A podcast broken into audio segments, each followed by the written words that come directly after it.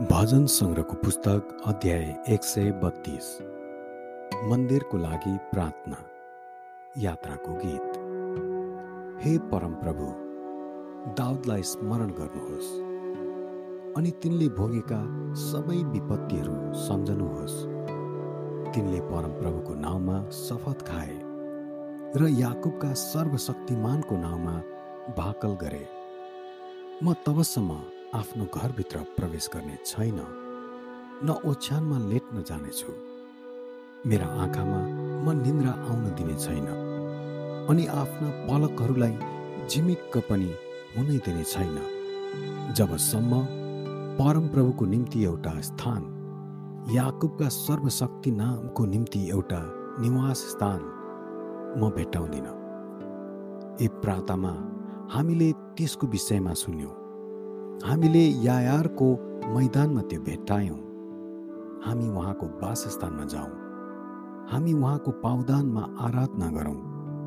हे परमप्रभु उठ्नुहोस्।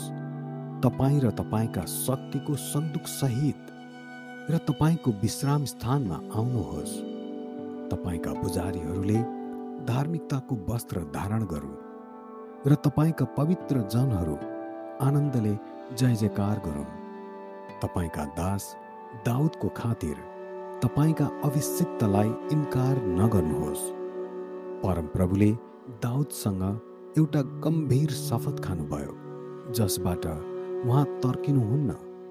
म तेरो सिंहासनमा तेरा छोराहरू मध्ये एकजनालाई बसाल्नेछु। यदि तेरा छोराहरूले मेरो करार र मैले तिनीहरूलाई सिकाएका मेरा कानुनहरू पालना गरे भने तिनीहरूका छोराहरू पनि सदाको निम्ति तेरो सिंहासनमा बस्नेछन्। किनभने परमप्रभुले सियोनलाई छान्नु भएको छ। उहाँले त्यसलाई आफ्नो निवासको निम्ति चाहनु भएको छ। यो सदाकालको निम्ति मेरो विश्राम स्थान हो। म यहाँ सिंहासनमा बस्नेछु। किनकि मैले यही चाहेको छु। म यसको अन्न पानीमा प्रशस्त आशीर्वाद दिनेछु। र यसका गरिबहरूलाई म रोटीले तृप्त गराउनेछु। यसका पुजारीहरूलाई पनि म उद्धारको वस्त्र पहिराउनेछु।